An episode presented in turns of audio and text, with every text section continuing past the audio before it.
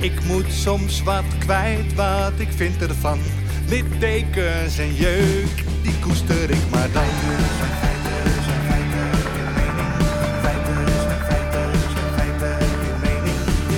Duidelijk en luid.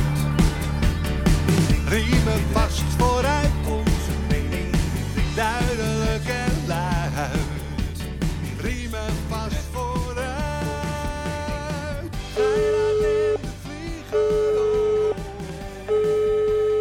bom dia, signor Gairat. Molto bon dia, mi grande amigo. Ja, ja, ja. ja.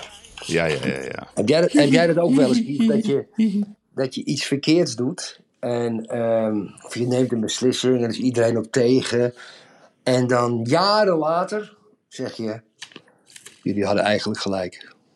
Ja, nou dat Je heb weet- ik nooit. Ik heb dat niet, Erik. Je weet waar ik op doel, hè? Ja, ik weet wat je op bedoelt. Seppi, Seppi, Seppi Blatter, Seppi wint de wereldcup. Seppi wint de wereldcup. Seppi is een klerencup. Ja. Denk jij nou ook dat over twintig jaar dan eh, iemand gaat zeggen... Ja, ja dat coronabeleid, ja, dat, dat was, daar hadden we toch, heb ik toch wel spijt van hoe we dat gedaan hebben. Excuus daarvoor. Inderdaad, Yves. Kijk, we hebben het wel eens vaker gehad, lieve luisteraars. Goedemiddag, goedenavond, goedemorgen trouwens. Kijk, je ziet ook, op- je hebt je militairen, ja, en die, en die, en die is een k- generaal, en die, is allemaal heel stoer. En dan gaat hij met pensioen en zegt, ja, we hadden het eigenlijk niet zo moeten doen. Ja, en, en dat gebeurt met heel veel beroepsgroepen, minister-president en dingen. En dan is altijd na hun carrière, vinden ze opeens de moed om te zeggen dat is niet juist geweest. En Sepp Blatter, natuurlijk een, een, een, een, een vies, vuil, naar, corrupt, hebberig graaidoosje.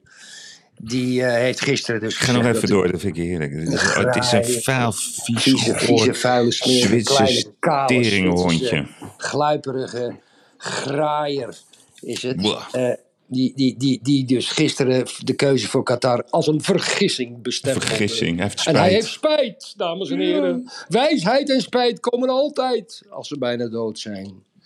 Ja, Erik. Nee, maar laten we eens even kijken. Wie gaat er, zeg maar... Het is nu ne- 2022, dus we gaan even... hij zegt dit, zeg maar, acht jaar na dato ongeveer. Ja, ja. Ik denk koning Willem-Alexander gaat ook zo'n moment krijgen over 25 jaar. Ja.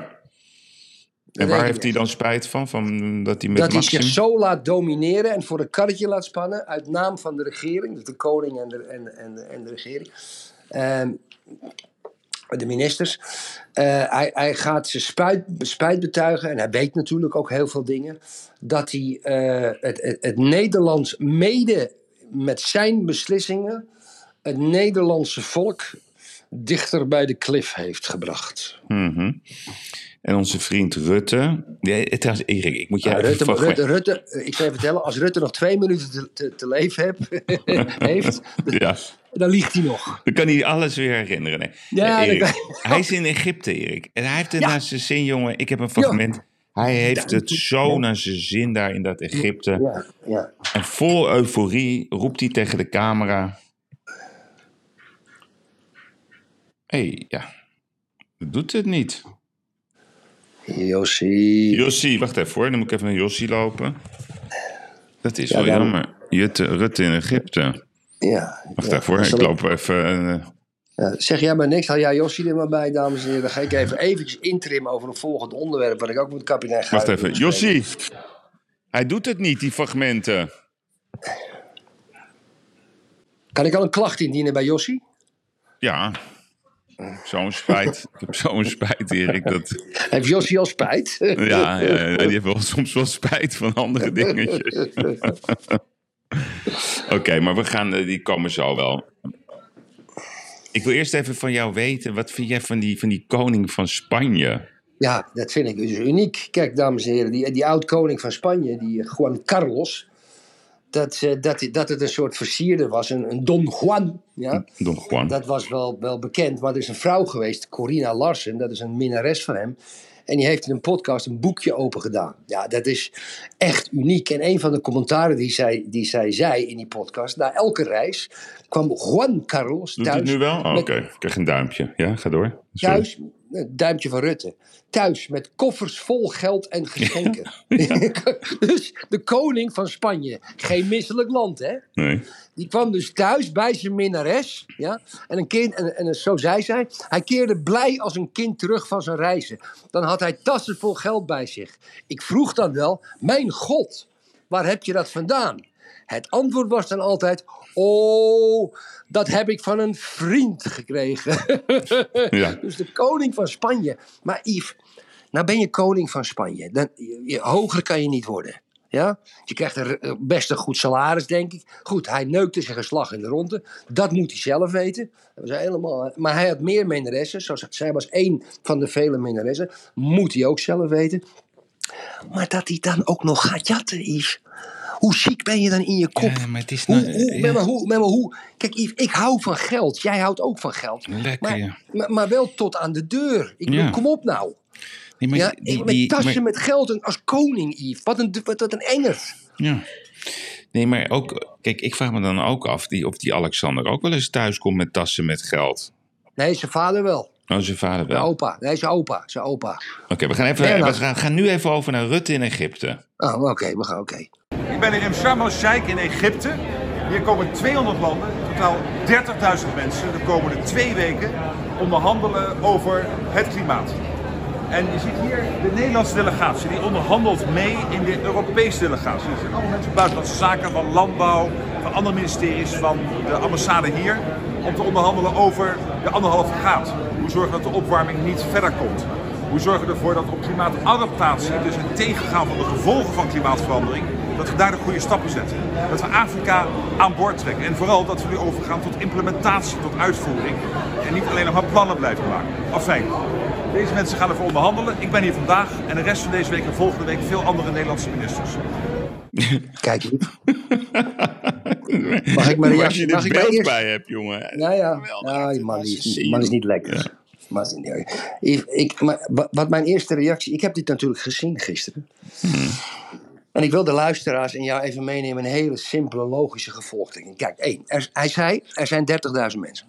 Ja, 30.000. Ja? Nou, die kosten op zeker, buiten het salaris om, maar reizen, doen, daar verblijven, et cetera, die kamers. Dat kost 30 miljoen per dag. 30.000 keer 1000. Is, is nog conservatief ook. Is 30 miljoen per dag. 14 dagen is 420 miljoen in twee weken verbranden ze daar. Gewoon, ze verbranden gewoon 420 miljoen. Zijn dan trots dat ze Afrika aan boord trekken? Nou, de enige reden waarom ze Afrika aan boord trekken is met nog meer poen. Ja. Ja? Want die Afrikaanse landen willen buiten ontwikkelingshulp, willen ze ook geld hebben, want het Westen is schuldig, net als de slaven, net als de dit. Wij zijn als Westen, vooral als witte, blanke mensen, schuldig aan de klimaatverandering. Niet China, niet India, niet Pakistan, nee, helemaal niet. Wij zijn schuldig en wij moeten derhalve betalen. Want ik kreeg Erik... Jij, Oh, is dat, is, oh, eh, kan ik een reactie krijgen? Nee, Of- daar of- wil ik op reageren. Want dat, Oh, dat, oh, ja, nee, want ik kreeg namelijk een, eh, een brief van de premier van Tuvalu. Ken je die? Ja, tuurlijk, dat is algemeen bekend. Ja, dat is Ka- Natano. Geloof ik, zoiets heet die man. Nou, en dan zegt hij dus. Ja, hij is urgent. Beste kapitein. Ja, beste kapitein. Ja, het is een urgent be- bericht als premier van Tuvalu. Ons land zinkt. Mijn Ja. vaderland kan als van een, een van de eerste landen ter wereld volledig van de kaart worden geveegd door de klimaatverandering. Maar we Mhm. geven niet op, we zullen vechten. Ik ga een toespraak geven op de klimaattop in Egypte en ik zal oproepen tot een nieuw internationaal verdrag voor de uitfasering van fossiele brandstoffen en voor steun aan kwetsbare landen getroffen door klimaatschade. Sluit je nu aan bij mijn urgente oproep aan de wereld, wereldleiders. Erik, deze man. Tuvalu. Ja, en, en het is een probleem. Het is een probleem, echt waar. Het kan verdwijnen. Maar die gaat daar dus waarschijnlijk ook gewoon weer 100 miljoen ophalen. En dat wordt, het Ja. wordt daar, er worden daar checks uitgeschreven.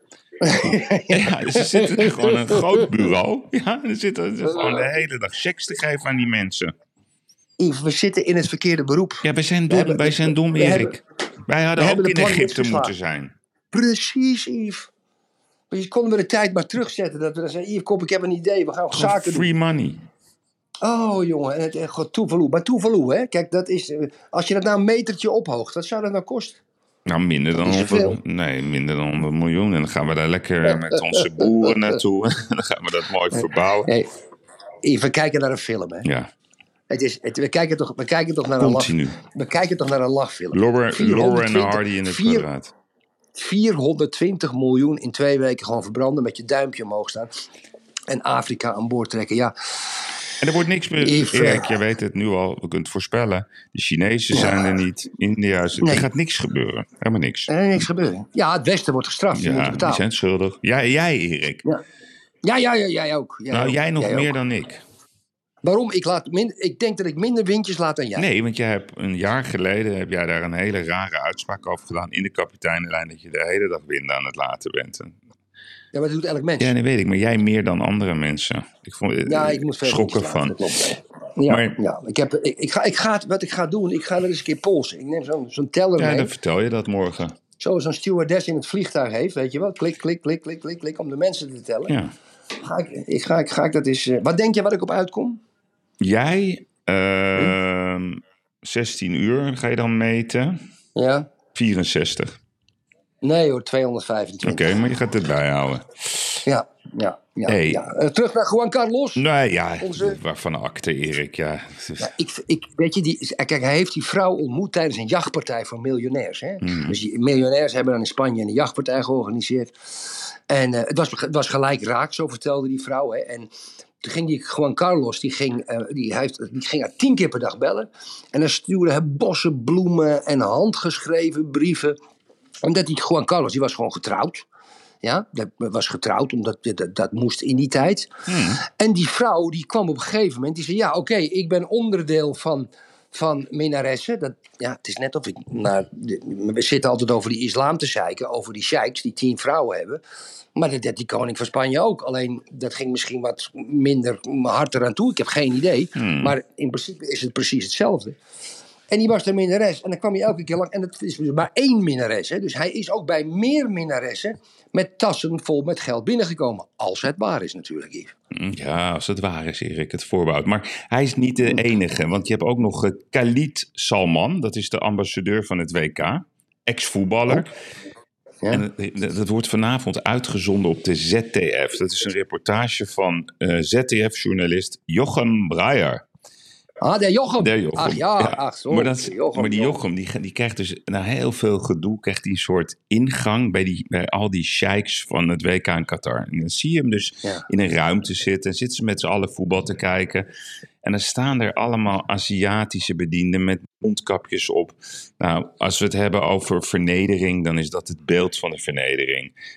En met een glimlach zeggen ze gewoon, ja, ja, vrouwen, en ook lacherig, hè, ja, die moeten gewoon thuis blijven, Erik. Vrouwen moeten thuis blijven. Dat geldt sowieso voor alle vrouwen die naar het WK willen gaan. Maar ook in die landen. Ja, waarom moeten vrouwen onbedekt over straat? Die moeten lekker thuis blijven. En toen gaf hij de, de, ook nog even de klapper van de week. En dan zegt hij: Homo's zijn geestesziek, Erik. Homo's zijn haram. Met een glimlach. En they have, they have damage, they have damage in the mind. En op dat moment denkt de PR-adviseur van het WK in Qatar, oeh, dat is niet zo handig. Dus die grijpt in, maar het staat wel op beeld. Gezellige wereld, gezellige wereld.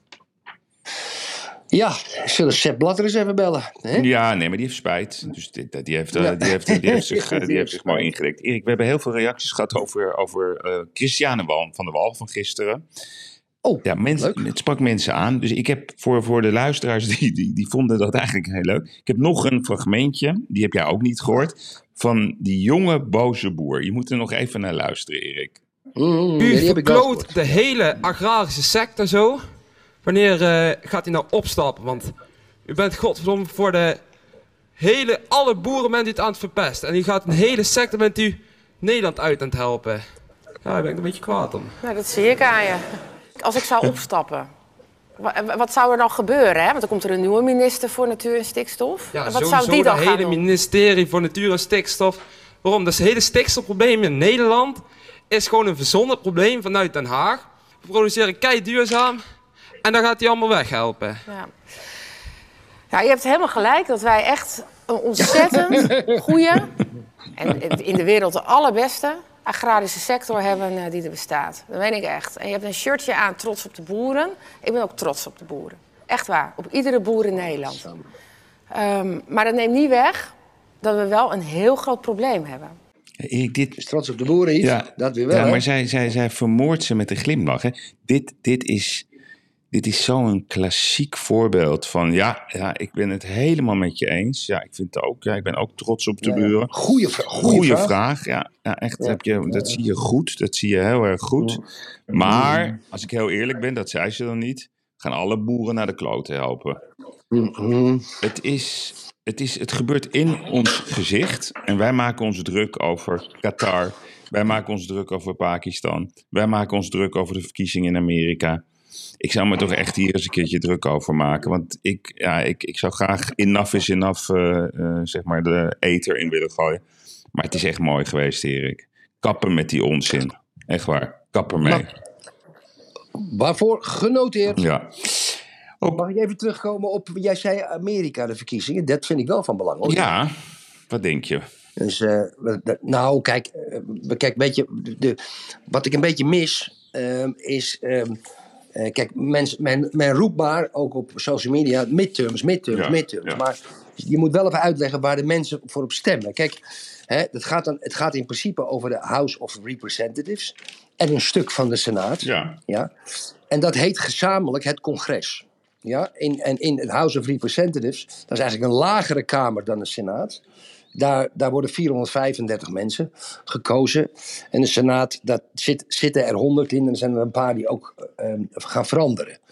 Dus kijk, om, het, om wetten er doorheen te drukken, zo'n democratische president, die moet wel proberen een meerderheid te hebben hè, in het congres. Hè, de, de, de Senate en de, en de House of Representatives bij elkaar. En zoals het er nu uitziet, hè, lijkt het dat de Republikeinen een ongelofelijke meerderheid hebben. Wat houdt dat nou precies in en waarom? Hmm. Om, omdat er geen touw aan de, aan de media vast te knopen is. Waarom? Ik denk echt dat conservatief Amerika toch nog groter is dan progressief Amerika. Hmm.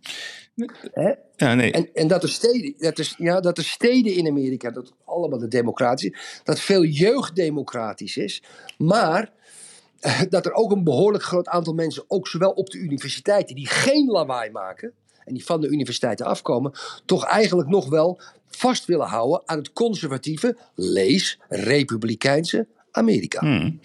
Oké, nee, dat is, dat is helemaal, helemaal juist, eh, kapitein eh, De Vlieger. Dank u wel, dank u wel. Nee, maar, maar, maar weet je ook het verschil? Kijk, dus waar ze voor stemmen is het Huis van Afgevaardigden Representatives, yes. ja, en de Senaat. Weet je ook, wat is, het, wat is nou het verschil tussen het Huis van Afgevaardigden en de Senaat?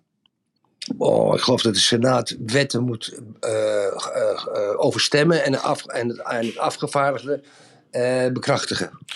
Ja, dus dat is zeg maar onze Eerste Kamer. Zo'n beetje. Ja. En, en, en, dan, en het Huis van Afgevaardigden is dan de, zeg maar, de Tweede Kamer of zo? Nee, dat is andersom. Zeg Oh, oké. andersom. Ja, ja. Ik, ik zou eerlijk zeggen, ik weet, ik weet niet eens het verschil. Nee, maar dat is ook weer dan op lo- lokaal niveau. Dat gaat Ja. dan ook weer op, op staat. Nee, maar kijk, ik had even, even gekeken hoe het nou zit. Dus de huidige senaatverdeling is 48 eh, zetels eh, hebben de Democraten, twee zijn onafhankelijk en de Republikeinen hebben er 50. En de verwachting is dat eh, in de Senaat de Republikeinen de Democraten gaan wegblazen. Nou, daarnaast zie je dat de populariteitscijfers van, van zeg maar die ja, halve, ja, hoe, hoe kunnen we hem noemen? Halve demente president. Ja, Dat gaat richting de 60% de ontevredenheid van de Amerikanen. Ja, ja.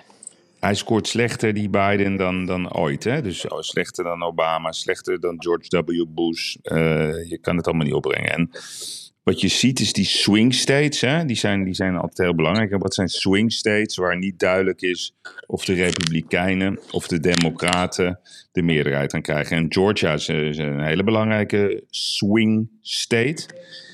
En dan nog een aantal in het midden van Amerika. En dan heb je zeg maar de rijke gebieden. Dus dat is de westkust van Amerika en toch ook wel een beetje het oosten. Dat is altijd heel democratisch, want daar gaat het allemaal hartstikke goed. Dat is ook waar dat klimaatgedramp vandaan komt. Maar ik voorspel jou dat, ehm, dat Biden wordt weggeblazen of dat de Democraten worden weggeblazen. Ze hebben nu Obama nog even uit de konijnenhoed getoverd, maar ik denk niet dat het gaat werken. Wat denk jij? Nou, ik weet het niet. Ik, ik, ik vind die Amerikaanse verkiezingen altijd een beetje een soort roulette, omdat het allemaal om de 50-50 draait. Maar het blijkt dus die Republikeinen. Maar kijk, het wordt, je moet ervan uitgaan dat het meer polarisatie, nog meer polarisatie wordt. Dus Amerika gaat nog gekker worden.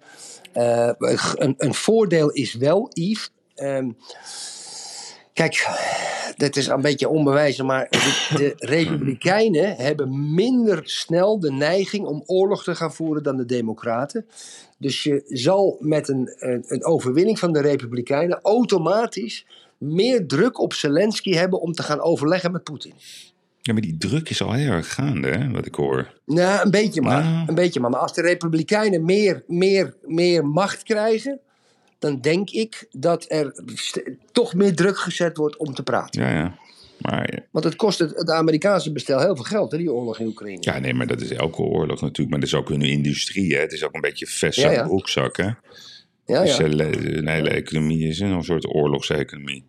Hey, ja, ja. We hadden ook een uh, reactie van Piet Hamberg, onze grote vriend. De, Ach, ja, nee, wat leuk, wat leuk, Piet. Nou, Piet is zo lief, Erik. Dus die, die heeft ja? Ja, heel WhatsApp-verkeer en hij begreep niet waar hij op moest reageren. Hij zegt, ik heb nu twee keer gehoord dat ik niet reageer. En ik zei dat ik dat onsportief vond. Ja, maar hij heeft geen bericht gekregen waarop hij dan moet reageren. Ja, en toen zei hij, ja, ik hoor nu dat ik weer niet reageer en dat je me onsportief noemt, prima. Maar waar moet ik dan op reageren? Ik, blijf, ik blijf genieten van jullie podcast, vooral op vrijdag met, de met het onomstreden fenomeen Jaap de Groot. Maar ik weet niet waarop ik moet reageren. Mm. Nou, dus um, mm. uh, Fleur heeft hem uh, een, een lief berichtje gestuurd. Nou, wat fijn, dank je wel. Maar wij willen graag van jou weten waarom, we dan, waarom jij dan vindt dat Schreuder moet blijven. Nou, dan komt er een hele uitleg, Erik, over het individu en het collectief en ook het falen eigenlijk, dat zegt hij niet zo expliciet, maar indirect van, van, van zeg maar de mannen boven Schreuder. We hebben gewoon minder goede spelers. En hij vindt Napoli en Liverpool zijn gewoon beter. En daar kan naar zijn mening Schreuder niks aan doen. Het is tijd voor ontwikkeling. Ja, de tijd dringt. Maar ik hoop jullie toch weer te zien op het Kapiteinenfestival volgend jaar. Was Piet bij het Kapiteinenfestival? Blijkbaar wel, ja. Maar ik, ik vind Piet lief. Piet, je bent onze vriend en je, vanaf nu ben jij onze oren en ogen op het gebied van voetbal. Ik vind het een heel lief en fatsoenlijk bericht eh, van onze vriend. We hebben veel voetballers, oud-voetballers, die, die ons eh, volgen, Erik. Maar we zijn het niet met Piet nee, eens. we zijn niet met Piet eens. Nee, dat, kan. Dat, kan. Dat kan. Hey, even, Dan heb je nog brieven over David Icke gekregen. Jazeker. Um, ja? Ik ga er eentje uitpikken. Dat is een, uh, een meneer uit Friesland. Nou, die was geschrokken van de eenzijdige mening over David Icke. Die vindt ook dat ik me niet moet laten beïnvloeden door wat ze in de media zeggen. Gelukkig was, Erik, gelukkig was Erik de Vlieger wat genuanceerder. Ik ben geen. Erik, ja. Oei, oei, oei. Ik, normaal Jij, andersom. ja, nee, echt. Jij en genuanceerd. Het is fantastisch. Ja, je ziet het, Yves. Ja, ja, Ja. ja. Ja, maar op hele belangrijke Ik onderwerpen. ben geen antisemiet, zegt hij. Ik ben geen rechtsextremist of wat dan ook. Ik ga vanuit Friesland naar de Dam, niet het Museumplein, want daar staat weer een ME-macht. Het is van de pot gerukt dat Ike niet mag komen in een democratisch land, waarvan ik inmiddels twijfels heb.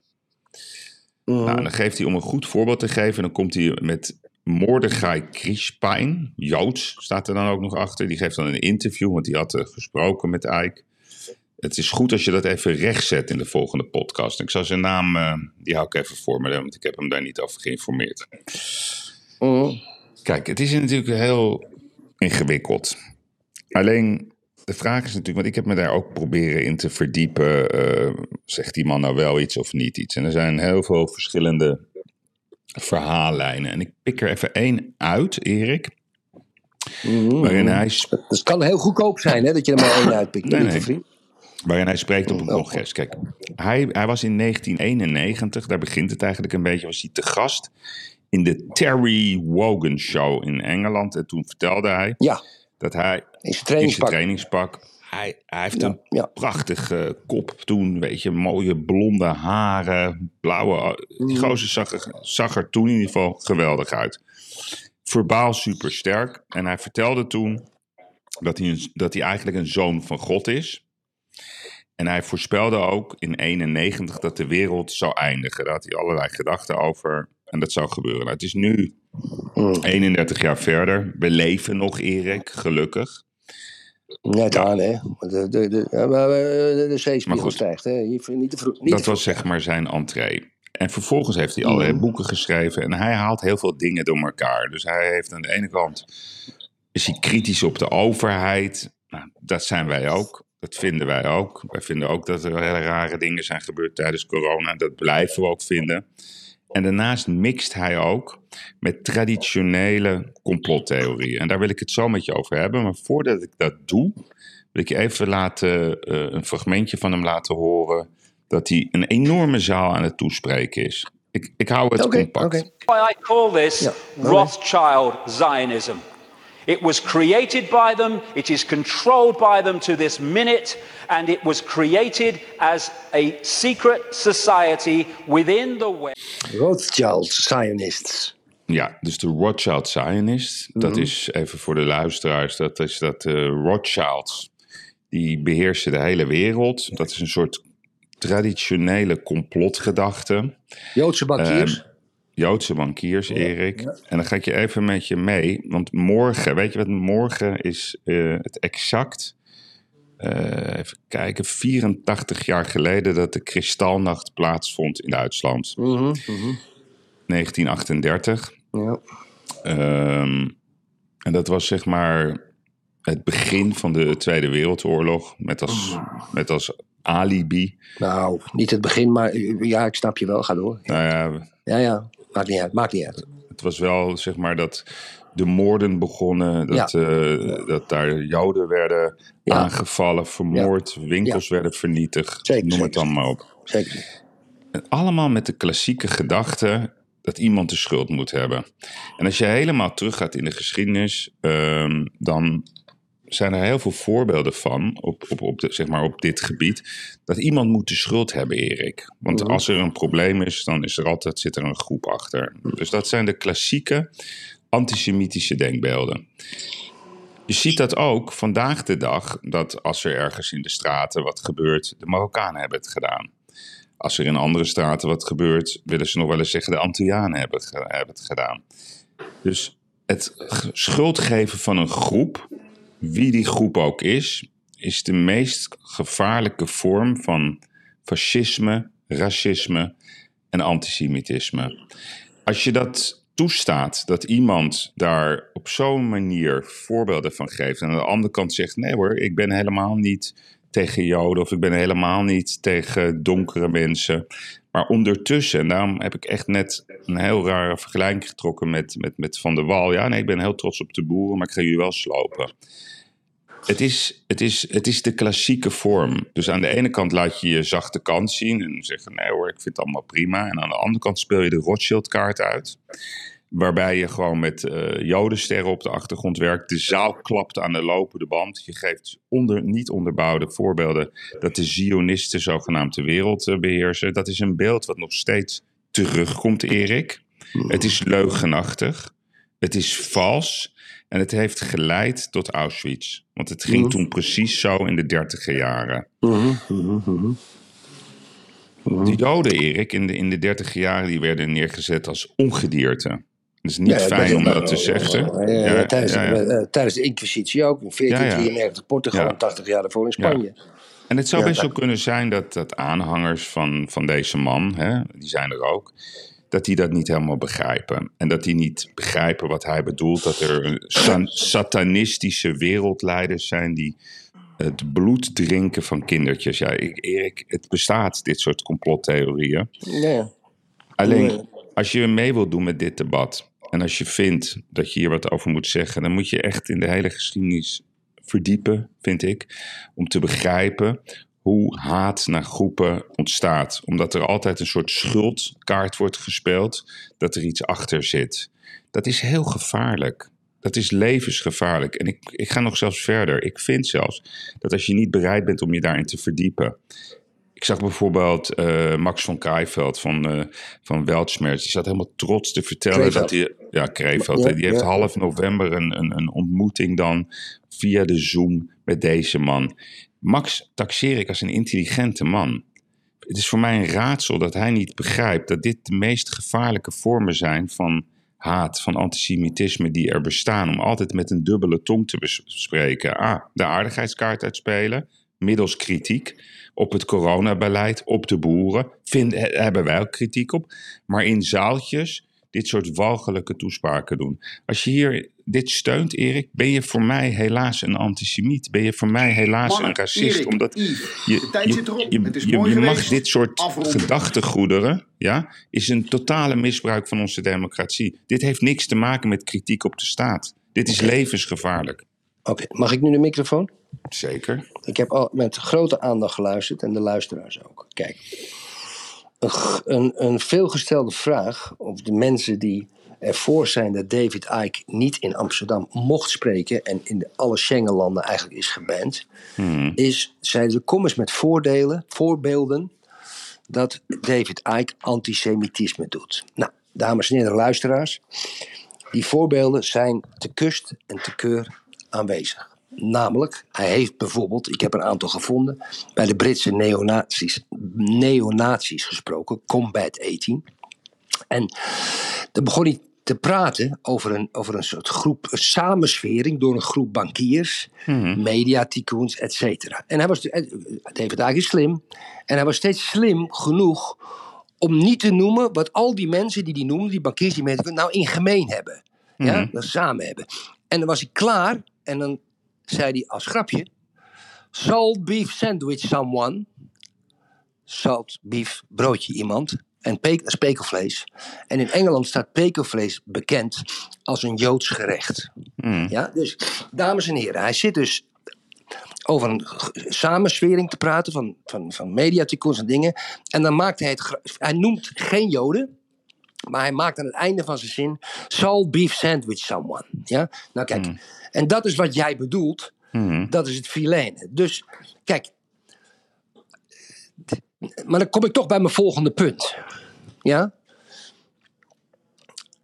Jij, jij zegt, jij zegt en, dit, en dit is het gladde ijs waar wij allebei op schaatsen. En misschien ook heel veel luisteraars, mensen die twijfelen. Ja? Ik heb net een bewijs gegeven van antisemitisme.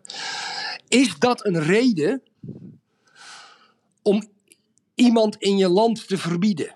Is, is dat een reden? En Yves, om je eerlijk de waarheid te vertellen, heb ik het antwoord niet. Ik heb alle argumenten van alle kanten gehoord. Wij zijn ook aanhangers van Voltaire. Ja? Hè? Nee, wij zijn het niet met u eens, maar we zullen vechten voor het recht dat u mag zeggen wat u wilt. Tot Ja. op een zekere hoogte, want vrijheid van meningsuiting heeft natuurlijk ook wel een bepaalde grens. Maar ik ben daar niet uit of je nou wel of niet mag. Yves, van jou de microfoon. Nou ja, ik, ik heb je dat volgens mij de vorige keer gewoon gezegd. Ik Ja, maar zeg het nog eens een keer. Ik vind gewoon dat, eh, dat zelfs de meest walgelijke figuren. ehm, Ja, heb je gezegd, ja. ja, ja.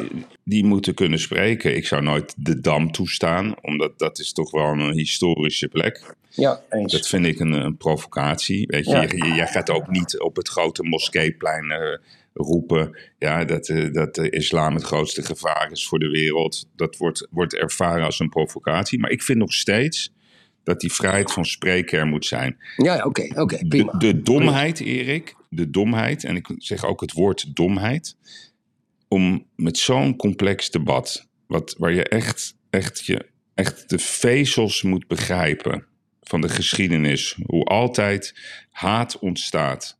Als je dat niet begrijpt, moet je niet meedoen met dit debat. En dan moet je niet gaan verwarren dat kritiek op de overheid, ja, wat wij ook hebben, dat vinden wij ook. Natuurlijk vinden wij schandalig hoe, hoe er wordt omgegaan met de boeren. Ik ben nog steeds woedend over het coronabeleid. Ik ben Ja, nog steeds wacht even, woedend. Yves, ga er niet maar alles door elkaar Nee, nee. Ja. Maar dat is wat Ike doet.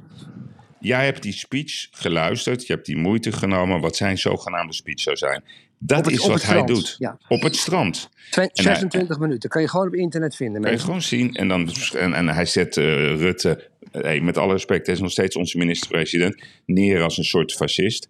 Nou, wij vinden hem iets anders. Wij vinden hem een slechte leider. Wij vinden dat hij een verstoppertje doet. Hij delegeert alles maar. Hij neemt nooit de verantwoordelijkheid door zelf voor die camera te staan. Hij zit heel, heel leuk te praten daar in Egypte.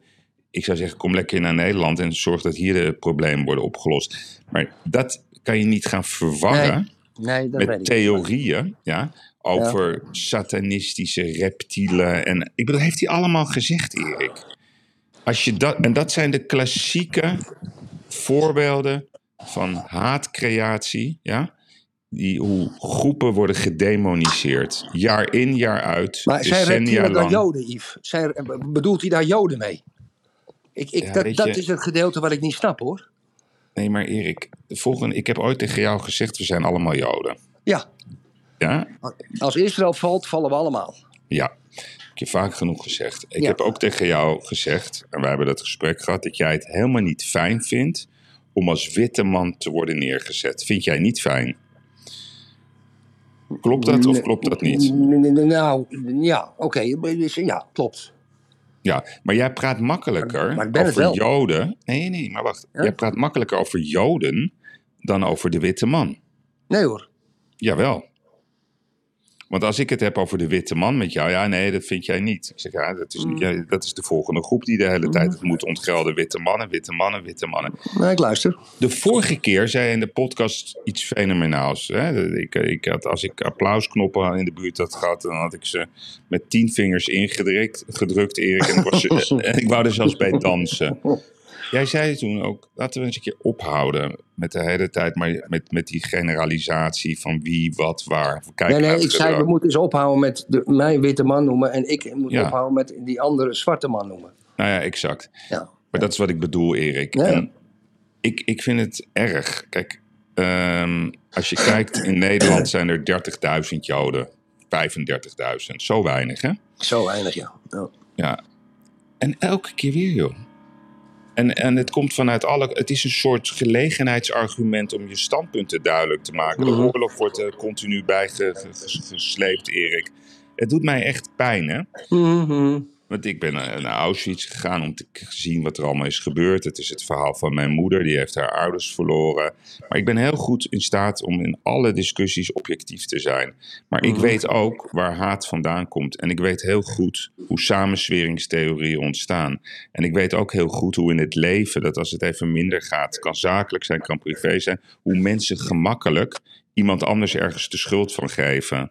De Marokkanenkaart, de zwarte kaart, de jodenkaart, de homokaart, de witte mannenkaart. Het is heel erg dat mensen dat nog steeds doen en ze doen het veel. En ik geloof nog steeds in goedheid van demonstranten. Maar ik doe wel een beroep aan al die mensen. Verdiep je echt, echt in, in iemand en in zijn methodes en in zijn gedachtegoed. Om echt te begrijpen wat hij aan het doen is. Dus mooi jouw voorbeeld ook. Dat wist ik niet, dat hij ook van die nazi-groepering had toegesproken. Dat Ja. maakt het nog erger, Erik. Ja, ik vind salt beef sandwich someone vind ik, vind ik wel heel erg. Maar het is, heel, het is subtiel Dat is heel erg. Dat is heel filijn. Dat Nou is, ja, dat, dat is, dat is kwaad. gewoon anti... Het is kwaad, Ja, dat, dat, is echt kwaad. Dat is, Ja. je, je kan wel een grapje maken, maar hij, hij, is geen comedie, hij is gewoon geen comedian. Als je een comedian bent, kan je die grap maken. Nee, tuurlijk. Ja, dat is wat anders. Maar daarom, dit zijn zulke dunne ijsdiscussies. Het gaat over het vrije woord. Ja, Ik heb er niets op toe te voegen wat je zegt. oké. Ik vind dat je het, ik vind dat je het vanuit je tenen hebt uitgelegd. En ik denk dat de luisteraars het ook waarderen. Dit is jouw mening. Hmm. En, en, en nogmaals, kapitein Gairaat vindt dat we niemand moeten verbieden om te gaan spreken. Zeker maar niet. Moeten, maar het is wel heel belangrijk, dames en heren, dat we de aanvliegroute die Yves Gairaat net genomen heeft, goed in ons opnemen. Ook een applausknop. Ja, nou ja, en, en weet je, het, het, het, het emotioneert me ook. Hè? Weet je, het zijn van die traditionele. De de Joden zijn rijk, Erik. Ik kijk naar de rijkenlijst. Eh, Dat is eh, de wereldwijde lijst van, van Forbes. Nou, op één Elon Musk. Die wordt vandaag de dag getaxeerd op 219 miljard. Jeff Bezos, Erik, staat op 171 miljard. Bernard Arnault, dat is van de LVMH-groep uit Frankrijk, 158 miljard. Dan heb je Warren Buffett, die staat op 5, 118 miljard. En ik bewaar even Bill Gates als laatste. Die staat op 4 met 129 miljard.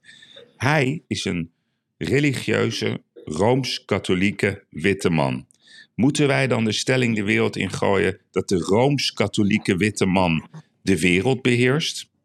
Dat die aan alle touwtjes trekt. Het is net zo dom, Erik, als die GroenLinks-man. Ik weet niet eens hoe die, hoe die heet. Tom van der Lee. Die gaat even Tom tweeten. Ja, nee, dat de uitstoot van de wereldwijde biljonairs. dat leidt tot alle problemen. Hij weet niet eens het verschil, Erik. tussen een aandelenbelang en het persoonlijk gedrag. Ma- ma- Mag ik die even nuanceren voor de, voor de luisteraars? Tom Zeker. van der Lee, GroenLinks Tweede Kamer, gaf een tweet dat die biljonairs, dat er uit een, een onderzoek kwam, uitkwam dat de biljonairs, zoveel biljonairs, die verzorgden eigenlijk het grootste uitstoot in vergelijking met, weet ik wat, 500 miljoen mensen. En die moesten daarom financieel aangepakt worden. Wat bleek, het artikel openende, bleek dat die biljonairs bij elkaar 183 bedrijven in hun bezit hadden, die juist die uitstoot voor hun rekening namen. Dus Tom van der Lee was niet geïnteresseerd in de bedrijven aan te pakken die deze uitstoot veroorzaken. Nee, hij zegt je moet de mensen aanpakken die de eigenaar zijn van het bedrijf ook nog eens een keer en hun geld afpakken. Dat is dus het niveau. Ja, Maar een biljo- biljonairs mag je trouwens wel. eh, ja hoe wat heet mag je het, daarmee? eh, Wat, hè? eh, ehm, eh, generaliseren hè, voor dat soort lui. Dat Tuurlijk- dus nee, dat exact mooi, Erik. Nee, ja, ja, biljonairs. Biljonairs mogen we wel. Ja, en, trouwens, en trouwens, we hebben, we hebben, ik, ik wil dit onderwerp afsluiten, als je het goed vindt. Ja, zeker. Vind jij het goed? Nou, één dingetje nog over dat GroenLinks en dan geef ik hem terug aan jou. Mm. Al die klimaatverhaaltjes, hè. Ze, zij hebben in Amsterdam, zijn zij toch wel verantwoordelijk voor het beleid. Ze zijn nog niet eens in staat, Erik, om te zorgen dat de straten schoon zijn in de stadsdelen. De ratten liggen dood op straat, Nou, Erik. Wat een ratten in Amsterdam, Ja. zeg. Wordt steeds erger. Omdat ze het vuilnis niet ophalen.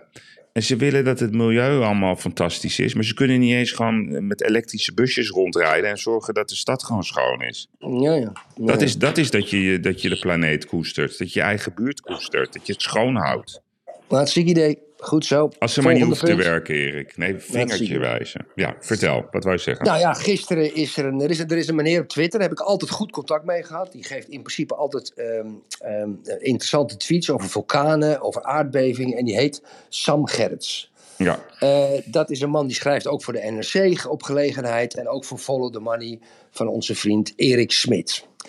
En die schreef de volgende tweet, dames en heren. Ik voor wie het gemist heeft. Eh Carolien van der Plas heeft een onzinbericht geretweet, ge- getweet gisteren. Na vijf lijntjes kook.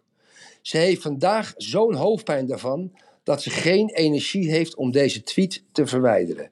Beterschap, Carolien. Hartje, hartje, hartje, hartje. Waarop Carolien van der Plas schrijft, journalist werkzaam voor NRC en FTM, beschuldigt mij van drugsmisbruik. Nog nooit één korrel kook gesnoven in mijn leven. Dames en heren. Dames en heren. U, Nederlandse media. En nogmaals, ik vind die Sam Gerrits best een aardige kerel. En een best een hele leuke tweet. Die haalt het dus in zijn verstand om zomaar fact-free een volksvertegenwoordiger een bevlogen met een mening, kan je het mee eens zijn of niet, gewoon publiekelijk, en internet vergeet niet zoals u weet, te beschuldigen van het gebruik van cocaïne uit het niets. Ja. Dames en heren, uit het niets. Met geen enkel bewijs, geen enkel, niks, niks, niks. Maar Erik, ik, ik heb het erover... einde van de wereld van de journalistiek, Yves. Die mensen zijn gek. En even voor de goede orde, follow the money. Ja, en de eigenaar ervan. Laat ik maar niet doorgaan. Nou, ik denk ook dat hij een tikfout maakte. Cola? Hij heeft gewoon een tikfout gedaan. Hij bedoelde helemaal niet Carolien. ja. Ja. Ja. Ja. En als hij dat wel deed, is het een hoernalist. Ja. Ja, ja. Het is heel, heel, heel triest. Dat Erg, hè? Ja, het is erg, ja. Nee, maar dus, ja, het is, eh, er is iets raars aan de hand. Dat er is een soort, soort beweging op dat, eh, op dat social media, Erik. Ik weet het niet. Ik ben even door de. Ik ben even. Dus ik, ik, ik heb. eh, ik, ik zal het u ook maar vertellen, dames en heren. Ja. Ik heb eer- eergisteren een e-mail gegeven aan eh, Smit. Erik Smit, Ja. mede-eigenaar van Follow the Money. Ik zeg Erik, mag ik je... We hebben natuurlijk met Erik een soort raar conflict gehad. Dus ik wil niet, ehm, ik wil niet in, in de wraakvorm nu praten. Nou, eh, het voelt wel als... Nee, ik vind niet dat hij ons netjes behandeld heeft. Maar ze we hebben ook aantoonbaar gelogen hè, Ja. in, in het artikel. Gewoon aantoonbaar. Gewoon aantoonbaar. Met smeergeld, weet je. Ja, ze- gewoon, gewoon woorden, eh, woorden opgeschreven die wij genoemd hadden, die wij helemaal niet genoemd hadden. Maakt niet uit, eventjes nu. Voor het verhaal. Dus ik heb aan Erik Smit keurig gevraagd of ik zijn jaarcijfers mag zien. Als hij dat aan mij e-mailt, krijgt hij mijn jaarcijfers. Want dan zit ik in een onderzoek van journalistiek, kan je beter je jaarcijfers geven. Kom erop met de vraag. Wij willen je boeken zien. We willen je boeken, zien. We willen je boeken zien. We willen je boeken zien. Ja, want, ik, ja, want ik wil Liverpool kopen. Liverpool staat te koop. Ja, ja Wat hoeveel? verdomme. Ja, Ja, die hebben ooit geloof ik 300 miljoen betaald. Dat zijn een aantal Amerikanen. Ja, dat gaat, Oké. dat gaat voor meer dan een miljard weg. Maar wat een mooie club om te kopen. Oeh. Ja, follow the money. Follow the money. Kom ik zo Follow terug. En ik heb, ik heb een kleine... ja, ik heb natuurlijk geen antwoord gekregen. Wat ik heel apart vind. Bijzonder. Nee, uiteraard. uiteraard. Ja, en eh, het is wel zo dat hij eh, vanaf eh liquide middelen 500.000 naar 1,2 miljoen, wat op de bankrekening staat. Maar wat mij zo, wat mij zo ehm, eh, opviel, ja, dat toen corona begon, heeft hij zijn bedrijf bijna verdrievoudigd. Nou, wat is nou nou, dat is mooi, gefeliciteerd Erik Maar zeg even, dat- Erik, wat, je, wat, je, wat jouw vermoeden is. ik, ik vermoed dat er een instantie is, dan wel een ministerie, dan wel verschillende ministeries, die in één keer duizenden abonnementen hebben gekocht. Hmm. Nou, het is een mooie Duizenden vraag. Mooie vraag. Ja, en dat daardoor die cijfers zo explosief en die balans zo uniek eruit is gezien. Heel, heel gezond opeens. En als de overheid duizend abonnees, dat, dat mag natuurlijk wel. Maar wij kennen natuurlijk het even oude spreekwoord. Wiens brood men eet. Brood men eet, wiens taal men spreekt. Liverpool. Liverpool. Walk on to the rain. Oh, dat zou ik wel mooi vinden. Mooi om aan tafel te zitten. hey Erik, ik vind, het, eh, ik vind het mooi geweest. Over, ik, ik zou nog een beetje willen hebben over de fitty tussen Schreuder en, en Nee, nee, nee. En over, de, en over de. Nederlandse bank die vindt dat de bitcoin nutteloos is. We, we Ja. moeten ook een mooi onderwerp hebben voor morgen. We wensen de mensen een Zeker, geweldige zeker, zeker. dinsdag. Facebook. Het is dinsdag, hè? Facebook. Ja, dinsdag. Ja, Facebook, de metaversie. Er is, Ja, er is ja, nog een, ja. Christie's gaat de kunstcollectie van Paul Allen Oh. verkopen. Oei. 150 schilderijen voor 1 miljard. Hartstikke Verwachte opbrengst, hè? Ik denk dat het nog meer wordt. Ja, ja. De Chinezen gaan het kopen, de Arabieren, noem ze allemaal op. Pingpong. Hartstikke idee. Erik, ik vond het een fantastisch mooi gesprek. Ik kan niet anders zeggen. Tot morgen. Tot morgen, dankjewel. Dankjewel, Dag, luisteraars. luisteraars. Morgen Zet zijn we er weer, hè? Zet hem op. Have fun. Have fun. Zet Hoi, hem op. Hoi, hoi. Hoi.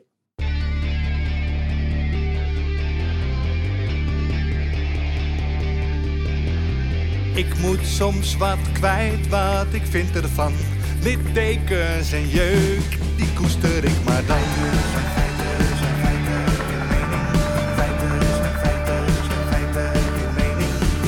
Duidelijk en luid. Riemen vast vooruit,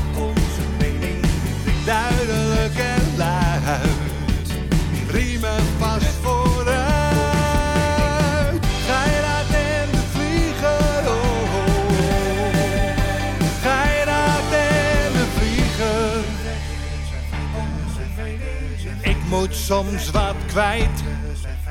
Mijn mening. Meer dan 80 jaar ervaring.